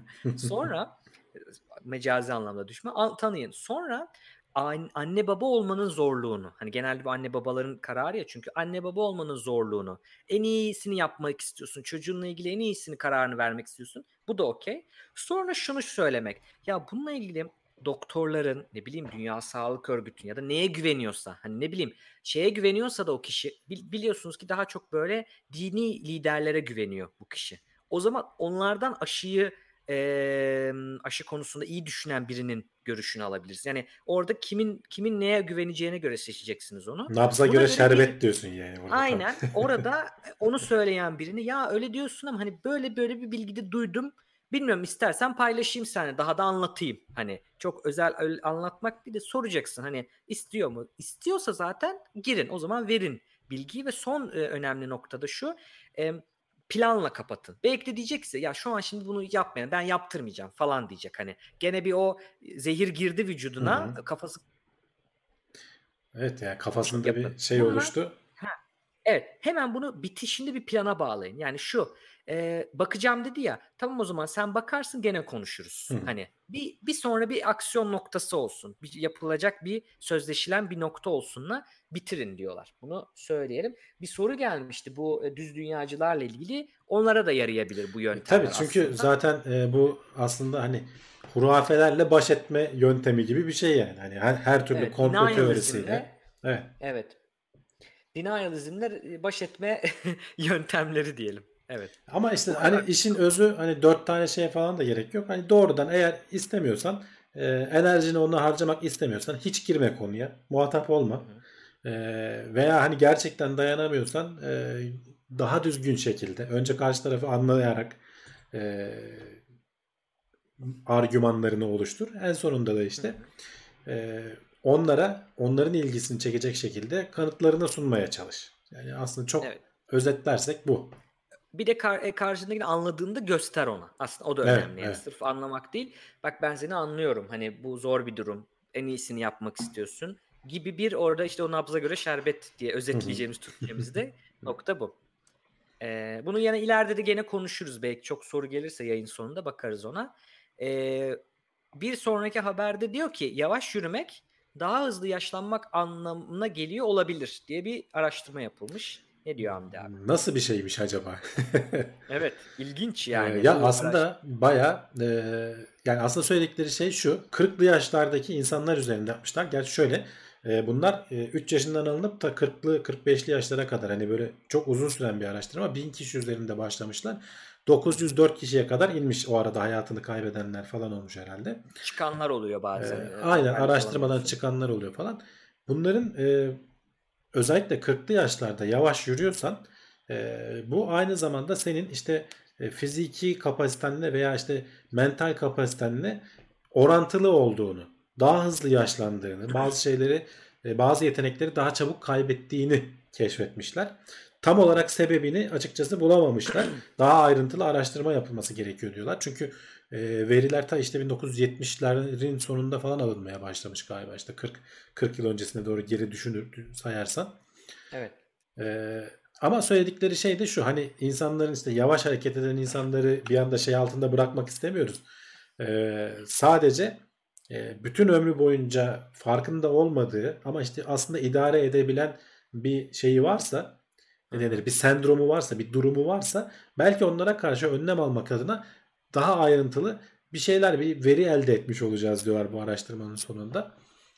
E, ama ilginç bir ilişki yani yavaş yürümek e, yani böyle dolaşarak falan takılmak Şimdi, yani.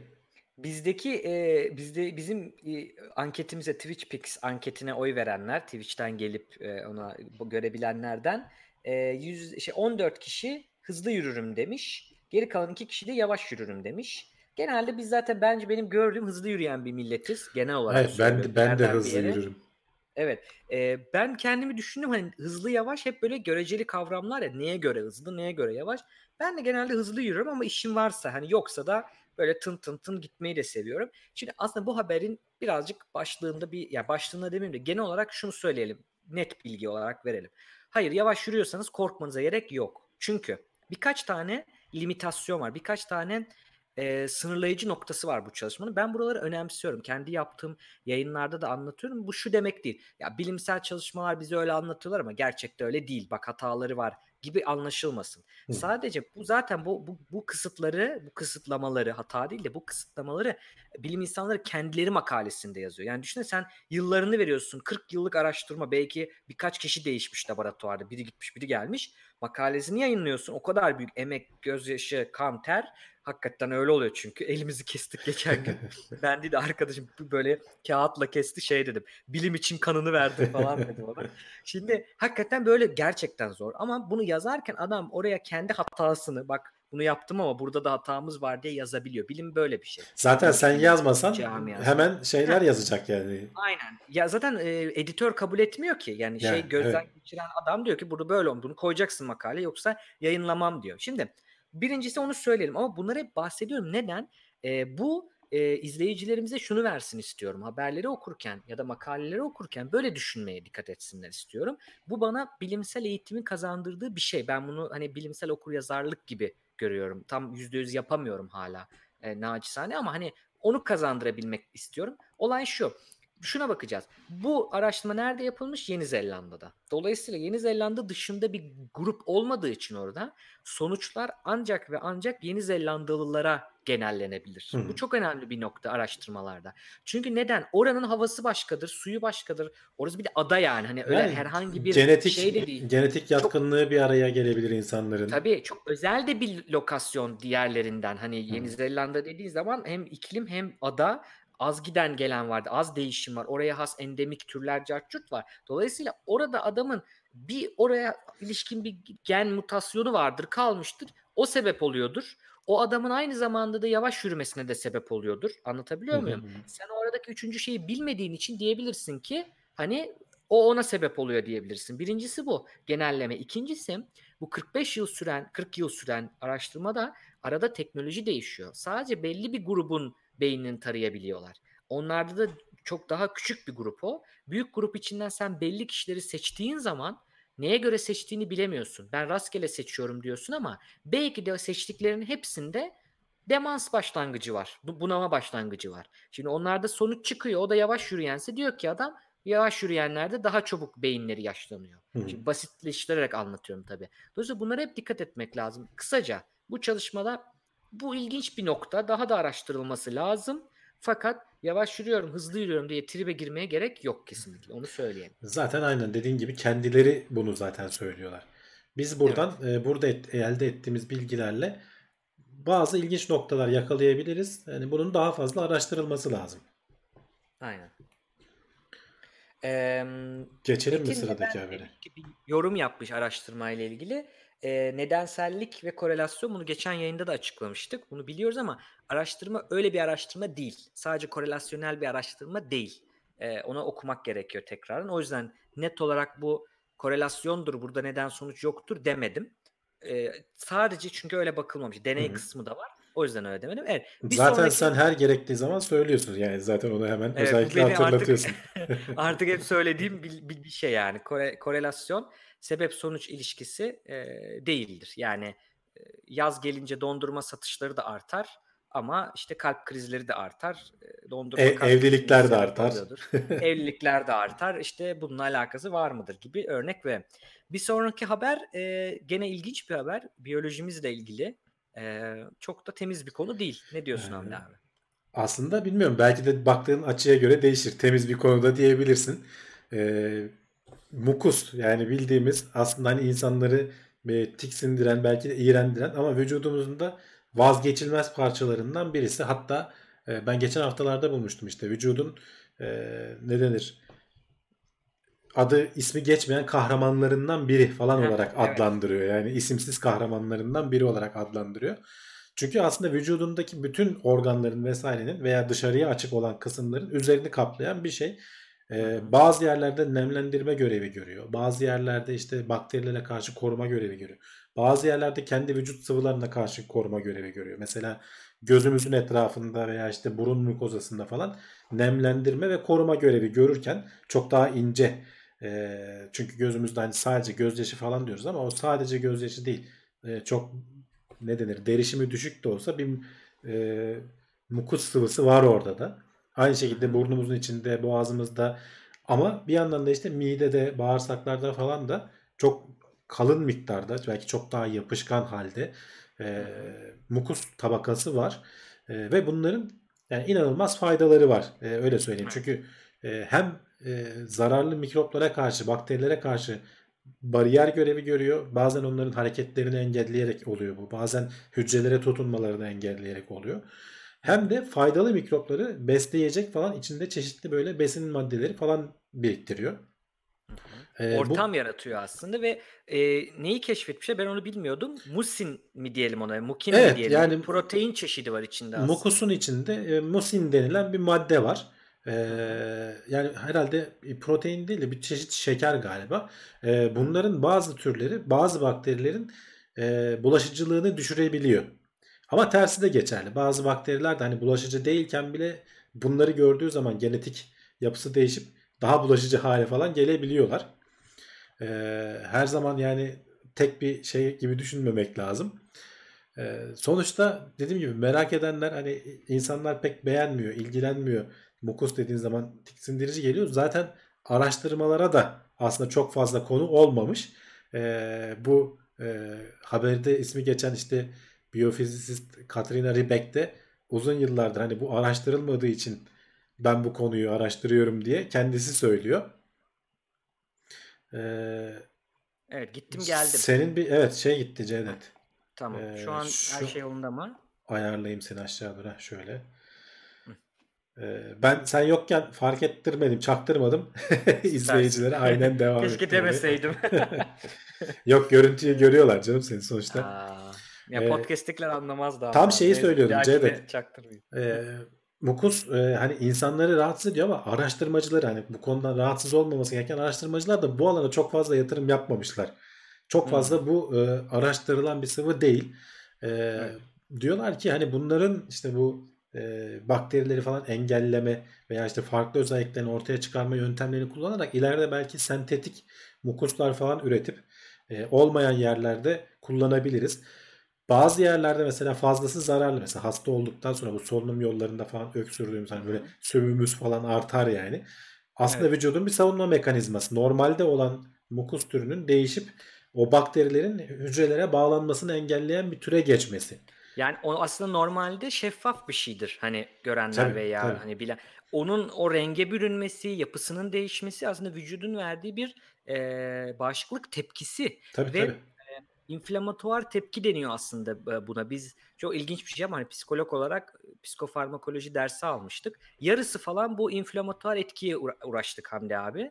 Çünkü bunun e, burada da bahsediliyor. Bunun bağırsağın içinde bir değişikliğe yol açarsa e, tekrardan beyne etkileri var. Bunu ya da bazı ilaçların buna etkileri var. Hani hmm. şey derler çok iltihaplı ateşli hastalıklarda sıkıntı doğuyor vesaire. Çok büyük etkileri var bunların ama bu tepki de çok ilginç bir tepki. Hala anlaşılmış bir şey değil. Örnek verelim mesela. Bunu bazen e, vücudun e, yanlış anlayıp e, saldırdı. Otoimmün diyoruz yani bağışıklık kendine saldırdığı hastalıklar var. Ne bileyim romatizmal mesela durumlar. Aslında oradaki eklem sıvısını iltihaplandırıyor. Sanki orada bir e, saldırı varmış, mikrop virüs varmış gibi zannedip bir saldırıya geçiyor gibi bir durum var. Hmm. O hakikaten dediğin gibi çok ilginç bir tepki. Fakat her gün yeni araştırmalarla bulunuyor ki aslında o doğal bizim hani sümkürüp atmaya çalıştığımız şeyin Hani mesela veya kulak kirinin bu tarz noktaların bizim böyle kötü gördüğümüz şeylerin aslında bu, bu noktalarda bakterilerle savaşmak için içeriğinin değişip hangi bakteri varsa onu öldürecek şeyin içeriğine geldiği gibi böyle bulgular var. Ya çok ilginç şeylerden biri de şu. E, şimdi mesela bu bakteriler veya virüsler hücrenin zarına bağlanırken belli moleküler yapıları arıyorlar. Hani bir anahtar kilit uyumu falan vardır ya. Evet. Ee, bazı bu işte mukusların içindeki o şekerlerin e, bazıları o virüslerin bağlanabileceği kilit yapısına uygun. Virüsler gidip bunlara bağlanıyor veya bakteriler diyeyim. Sonrasında hücreden kopuyor alet. Ee, yani aslında bir çeşit yem gibi de davranabiliyorlar. Yani hücreden kopuyor ve o şeyin hücreye bağlanmasını engellemiş oluyor. Yani çok farklı taktikler kullanıyor aslında vücut. Evet. Ee, ama dedikleri gibi yani, hani isimsiz kahramanlardan biri yani bütün, bütün vücudunda, bütün iç organlarının etrafında falan olduğunu düşünürsen. Milyonlarca yıllık o evrimle yarışılır mı ya? Hani bizim kıytırık antibiyotiğimizle. Yani her her e, günde galiba her, her insan bir litre falan üretiyor bu arada. Yani içtiğimiz evet. suların büyük bir kısmı zaten bunların oluşturulmasına, yenilenmesine falan gidiyor aslında. Evet. Aynen. Dolayısıyla iyi bakın mukusunuza. Birisi yiyelim mi demiş ama o kadar da değil. Sakin olun. İstersen. Bilim, bilim severler. Zaten yiyorsun şu anda aslında. Her yutkunduğunda falan o salya falan dediğin şey de aslında onların çeşitleri yani. Biraz evet, iğrenç bir konu oldu ama. kişiyi kus kusturarak kaybettik canlı yayında. hemen hemen sıradaki habere geçelim. hemen geçelim de Bu, şey yapalım. Sıradaki haberin resmi de hiç iyi değil. Baksana. Yılan, evet, evet. Yılanı koymuşlar. Ya öyle bir espri yani. Python dilinin esprisini de yapmışlar yani. Evet yani aslında bu hani doğrudan bilimsel bir haber değil. E, yazılımla daha çok ilgili bir haber ama sonuçta bilimle de bağlantısı var. E, bilim adamları hani böyle e, özellikle istatistik falan hesapları yapmak için yazılımlar kullanıyorlar. E, ve hazır kütüphaneler falan çok yaygınlaştı. Çünkü çoğu işi çok kolaylaştırıyor. E, ve bu hazır kütüphanelerinden bir tanesinde e, bir hataya rastlanmış. Windows'ta farklı sonuç veriyor, Linux'ta farklı sonuç veriyor. Çok ölümcül bir hata değil ama e, sen eğer bu şeyi kullandıysan ne denir e, kütüphaneyi kullandıysan e, hı hı deney sonuçlarını hesaplamakta, o istatistiği yapmakta ve işte Windows, Linux farkını falan dikkat etmediysen, gözetmediysen e, bambaşka sonuçlara ulaşabiliyormuşsun. Şimdi aslında ölümcül bir hata değil dedin ama şöyle doğru. Yani, yani şu anlamda ölümcül hata değil yapan, diyorum. Hesaplamayı ee, yapan, e, istatistik hesabı yapan algoritma veya modülde değil hata aslında. Evet, evet yani evet. hala o Python'u kullanarak işte e, değişik şeyleri var onların e, alt paketleri var araştırmacıların kullandığı biz de kullanıyoruz. Onlarda problem yok. Problem aslında sen daha iyi biliyorsun Python'ı. Glob denen bir e, kullandığı bir fonksiyon mu bir modülle alakalı. Ne yapıyor onu? Nasıl bir iş e, yapıyor? Ya işte olay tamamen aslında işletim sistemleriyle falan alakası var. İşletim hmm. sistemlerini farklı kullan. O yüzden ölümcül hata değil derken tabii ki yani sen eğer Windows'la, macOS'la, Linux'la falan aynı anda çalışıp farklı sonuçlar alırsan Aha, ölümcüldür. O yayınladın, geçti, Aynen. Gitti, senin senin yani. hatan için senin senin için ölümcül bir hata olur ama eğer tek bir yerde falan çalışıyorsan öyle çok işletim sistemlerini birbirine karıştırmıyorsan sorun yaşamazsın ama demek ki birilerine denk gelmiş, ortaya çıkmış. Benim bu haberi almaktaki asıl amacım bu böyle açık kaynaklı veya işte böyle toplu geliştirilen şeyleri e, bu, bu tarz e, ne denir uyarılar sayesinde veya işte geliştirmeler sayesinde çok verimli hale getirebiliyorsun. Açık kaynağın gücü burada açıkçası. Evet. Hatalar çıkabiliyor. Her yerde çıkabiliyor. Ama milyonlarca belki de işte binlerce kişi üzerinde binlerce göz olduğu için e, hatalar daha çabuk Güzelliği bulunup kapatılabiliyor. O. Aynen. E, bilimde buna çok ihtiyaç var. E, belli zamanlar evvel hala yapan bir iki lab kaldı. Bir iki demeyeyim de hani çoğunluk yapmasa da e, üniversiteler çünkü bunu zorluyor ama hala benim işte böyle ben hesapladım kimseye söylemem. İşte sırdır çalınır falan yapan e, araştırmacı grupları da var. E, onlar da tabii yayın yapıyor ama ona göre dergiler de yapıyor. Hani artık yeni yeni dergiler istiyor. Bana o veriyi gör, göreceğim diyor. Yani neyi nasıl hesapladığını bileceğim diyor. Beni benim e, buraya e, yani bu habere dikkatimi çeken belki sen de oradandır. Eren Hatırnaz'a da teşekkür ederim Teknoseyir'den. Evet, evet Teknoseyir'den ee, gönderdi. O anlatmış sebebini hani Python özelinde nasıl olduğunu anlatmış. Oradan bakabilirler. O bu arada e, her hafta çok ayrıntılı bir yazılım gündemi hazırlıyor sağ olsun. E, evet üşenmiyor da kaç bayağı uzun zamandır her hafta haberleri derleyip yazılı bir şekilde hani merak edenler Teknoseyir'e girip yazılım gündemi diye ararlarsa herhalde ulaşabilirler. Evet. Ya da Eren Hatırnaz diye arasınlar gene evet. ulaşabilirler. Bilgisayar bilimi diye bir şey var. Hatta biz hızlı bilim serisini yapıyorduk onu yani computer science dediğimiz. O da bizim aslında teknoloji ve bilim notlarının içerisine giriyor. İlginç haberler oldukça ben bundan sonra bakacağım o yaptığı gündeme oradan kendisinin haberleri aparırız buraya alırız. Çünkü e, hakikaten ilginç olabiliyor. Yazılım haberleri de artık günümüzde önemli. E, tabii her, her şeyin içerisinde var. Sonuçta araştır, evet. burada burada bilimsel araştırmalara konu olan bağlantısı olan bir haberdi yani. Evet. Ve böylece de son haberimize doğru geliyoruz. Ben bir soru sordum. Hemen onun cevabına bakalım. Habere geçelim. Dedim ki beden boyuna göre orada bir ipucu var. Beden boyuna göre dünyanın en hızlı hareket eden hayvanı sizce hangisidir dedik ankette. Kolombiya sahil akarı demiş 7 kişi. 3 kişi çita demiş. Bak çitayı koydum ya oraya. Kimse gitmemiş ona. Hani bir, Evet. burada bir bitkinliği var. Çita Sen diye biliyoruz. Beden çünkü. beden boyuna göre dersen zaten Ha, hemen bir anlamıştır. Bizim izleyicilerin kafa çalışıyor yani. koyunca kimse o topa girmemiş. 3 kişi hariç. 8 kişi de kartal demiş. Valla ben açıkçası kartalı sallamıştım. Hiç bildiğimden değil. Ee, ama Onu e, demişler ama kartal hani şeye bakarsan uçmayı hesaba katarsan evet yani uçma Evet. ayrı bir konu. Burada çünkü haberi şöyle açayım hatta bir yandan. Ee, yürüme hızıyla alakalı. Evet. Ee, Hangisi Hamdi abi? Evet bunu bir öğrenelim ya. o Hani ka- en hızlı senin hayvan. Kalif- Kaliforniya sahil akarı dediğin aslında en hızlısı. Vücut Evet. e, ölçüsüne göre baktığın zaman şurada yazıyordu 300 küsür kat, 322 kat. 322 katını. Ee, daha Yani hızlı bir gidebiliyor. saniyede vücut uzunluğunun 322 katı mesafe gidebiliyor. Evet. E, eğer diyor ki bunun gibi uçsaydı aşağı yukarı bunun gibi hareket etseydi mesela diyor.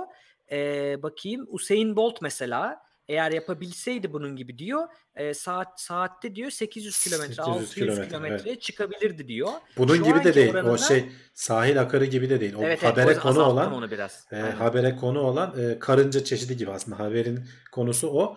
E, Evet. Ben bana tamamen ilginç geldiği için aldım. Hani öyle çok hayatımızı kurtaracak bir bilgi değil ama hakikaten en hızlı hayvan dediğin zaman çita gelir. Ama nasıl hızlı? Yani vücuduna göre falan orantıladığın zaman işte bu e, gümüş sahra karıncası mı diyelim? E, Evet, diyebiliriz. saniyede 855 milimetre. Yani 85 santim ilerleyebiliyor. Hani bir karıncayı ben saniyede 85 santim hareket ettiğini görsem şaşırırım açıkçası. Evet. E, böyle olmasının sebebi de ilginç. Çünkü e, gündüz vakti biliyorsun çölde bütün e, hayvanlar çekiliyorlar toprağın altına vesaireye. Hani tamamen sığınacak bir yer arıyorlar. Çünkü çok sıcak. Kumların üzeri falan iyice e, yakıcı hale geliyor. Bu Evet. karıncalar bu hızları sayesinde biraz da yerden yüksekteler. E, o ayaklarının ucunda da e, sıcağa karşı dayanıklı bir çeşit protein falan üretebiliyorlar. Bu sayede işte çok hızlı bir şekilde çıkıp hemen e, birkaç saniyede e, alacakları şey varsa yuvanın etrafında toplayıp geri içeri gelebiliyorlarmış. Bu yüzden bu evrimsel şeyi geliştirmişler. Bu teknolojiyi geliştirmişler diyeyim kendileri açısından. E, testleri de ilginç. Yani bunları şey yapmışlar. Yuvanın ağzına şey koyup e, bir çeşit böyle işte sınır koyup e, kameranın önünden geçmesini sağlamışlar. Bir grubunu da yuvasını alıp topluca Almanya'ya götürmüşler. Soğuk havalarda mesela e, 57 milimetreye kadar düşüyor. 10 dereceye kadar indiği zaman hava sıcaklığı 855'ten 50'ye kadar iniyor. Hayvanlar yani normalde hızlı hareket etmeyecek. Ayakları yandığı için koşturup gidiyorlar yani. Bizim o kumsaldaki koşuşumuz aynen yani. aynen. Hem hem ayağını yakmaması lazım. Hem o sıcaklıkta hayatta kalabilmesi lazım. Hem de e, kuma batmaması gerekiyor. Bak o da ilginç. Hani suyun üzerinde böyle çok hızlı giderken a- a- yürüyormuş gibi bir durum olur ya. Evet. Yani hızlı gittiğin için şeyin azalır. E, durum onun gibi bir durum. E, o, onu da kullanıyorlar. Yani o hızın birçok açıdan evrimsel olarak onu oraya ittiği aslında. Öyle bir avantaj sağladığı o tarzı yapabilen, o şekilde koşabilen. E, ben onu o da çok ilginç. Yani karıncaların dünyası zaten her gün bir şeyler e, keşfediliyor neredeyse. Çok ilginç dünyaları var. Yani o e, şeye ne deniyor acaba? E, insekt bir aile diyor ya ona. Böcek ailesi aslında çok ayrı bir Evet dünya. evet e, evet. e, O da- Mikrokozmos diye bir belgesel vardı bu arada. Bak şimdi aklıma geldi. Bayağı Ee, eskidir çok o eski ya. bir belgesel Evet. bilirsin. Çok ilginçtir yani. Hani e, ayrı bir kozmos orası e, dedikleri gibi. Apayrı Ama bir şu dünya. gidirelim. Yani en hızlı e, vücut boyuna göre hesapladığımızda en hızlı hayvan Kolombiya e, sahil akar. Akar da mite. Mite, evet. dediğimiz şeyler aslında çok ufak onlar. E, onlar ondan e, onun dışında ama eğer karada giden ve saf hıza bakarsak yani ölçülen normal hıza bakarsak alınan hız mesafe olarak onlar e, çita ve e, şeylermiş. Canım çeşit zaten işte nasıl baktığına bağlı. Hani ne kadar hızlandığın mı önemli yoksa ne kadar o hızı uzun süre tutturabildiğin mi önemli? Çünkü mesela e, insanların da özellikle uzun mesafeleri çok e, kat edebildikleri e, insanın evrimi de ona uygun mesela. Çok uzun mesafeleri e, kat edebiliyorsun. Terleme falan vesaire gibi teknolojiler geliştirmişiz biz de. E, vücut çünkü sıcaklığını, çitaların yavaşlayıp durmalarının sebebi de vücut sıcaklıkları inanılmaz artıyor. Zaten tüylü müylü vesaire hayvanlar.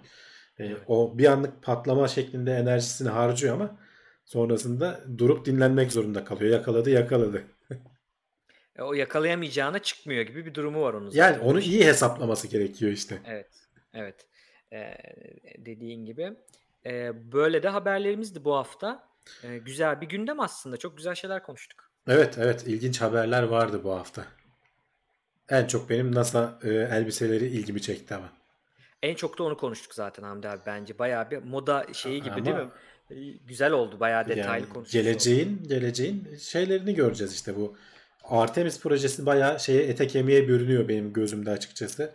Ee, eğer hani yeni Amerikan başkanı değişir bir şey olur da işte bir anda vazgeçmezlerse ki zannetmiyorum pek. E, hakikaten hani 2020'li yılların ortalarında falan e, tekrar Ay'a insan gittiğini göreceğiz.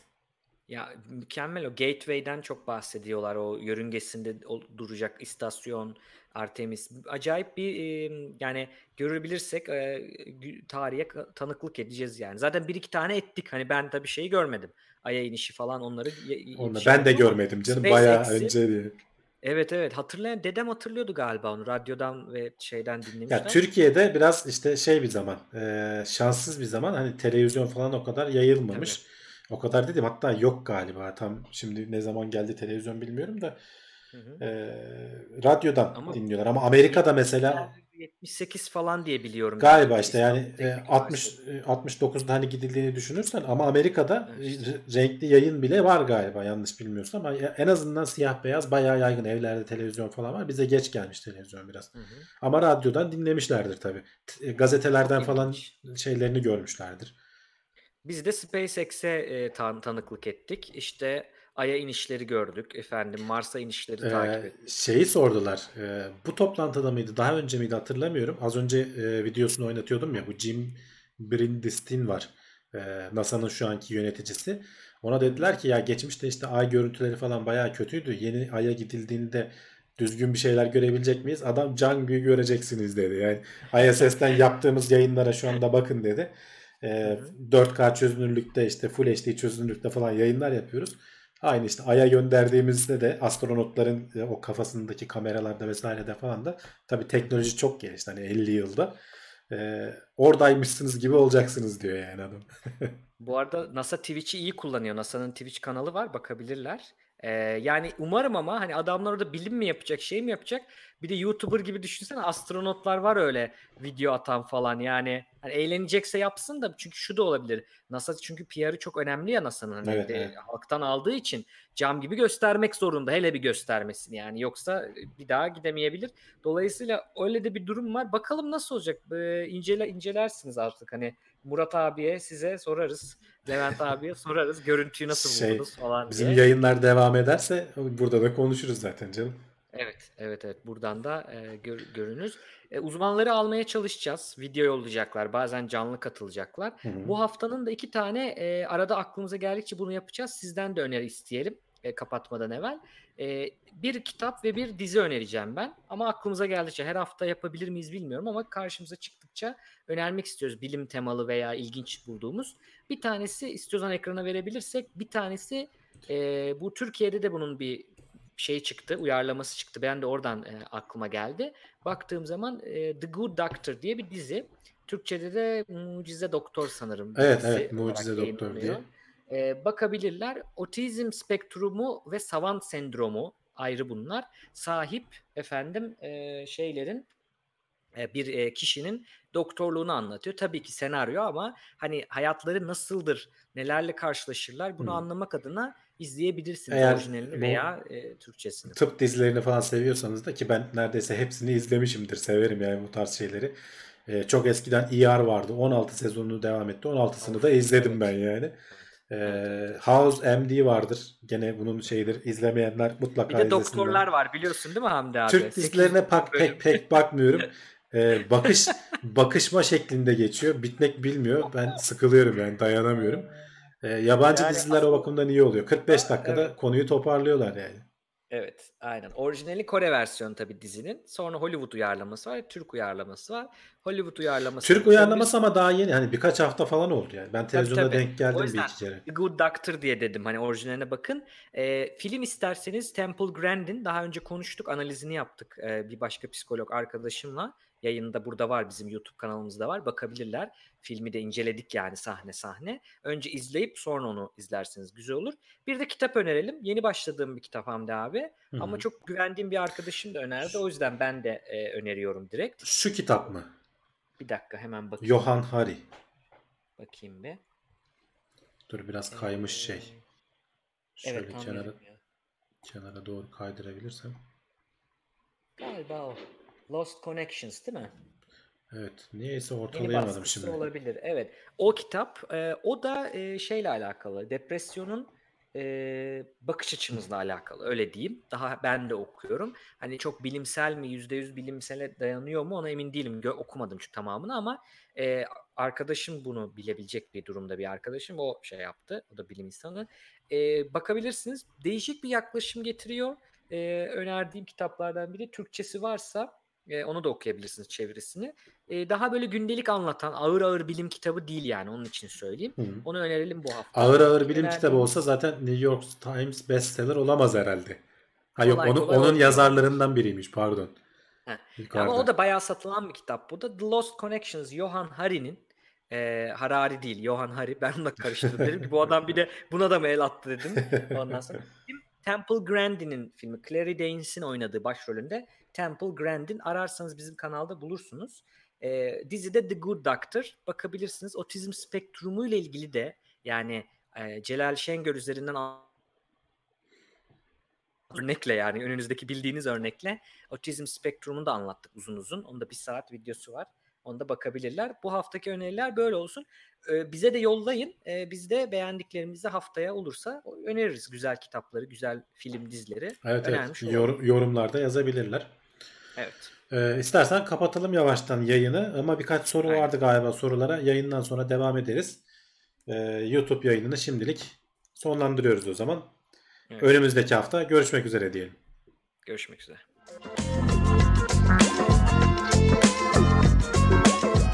Tailwords teknoloji ve bilim notlarını sundu.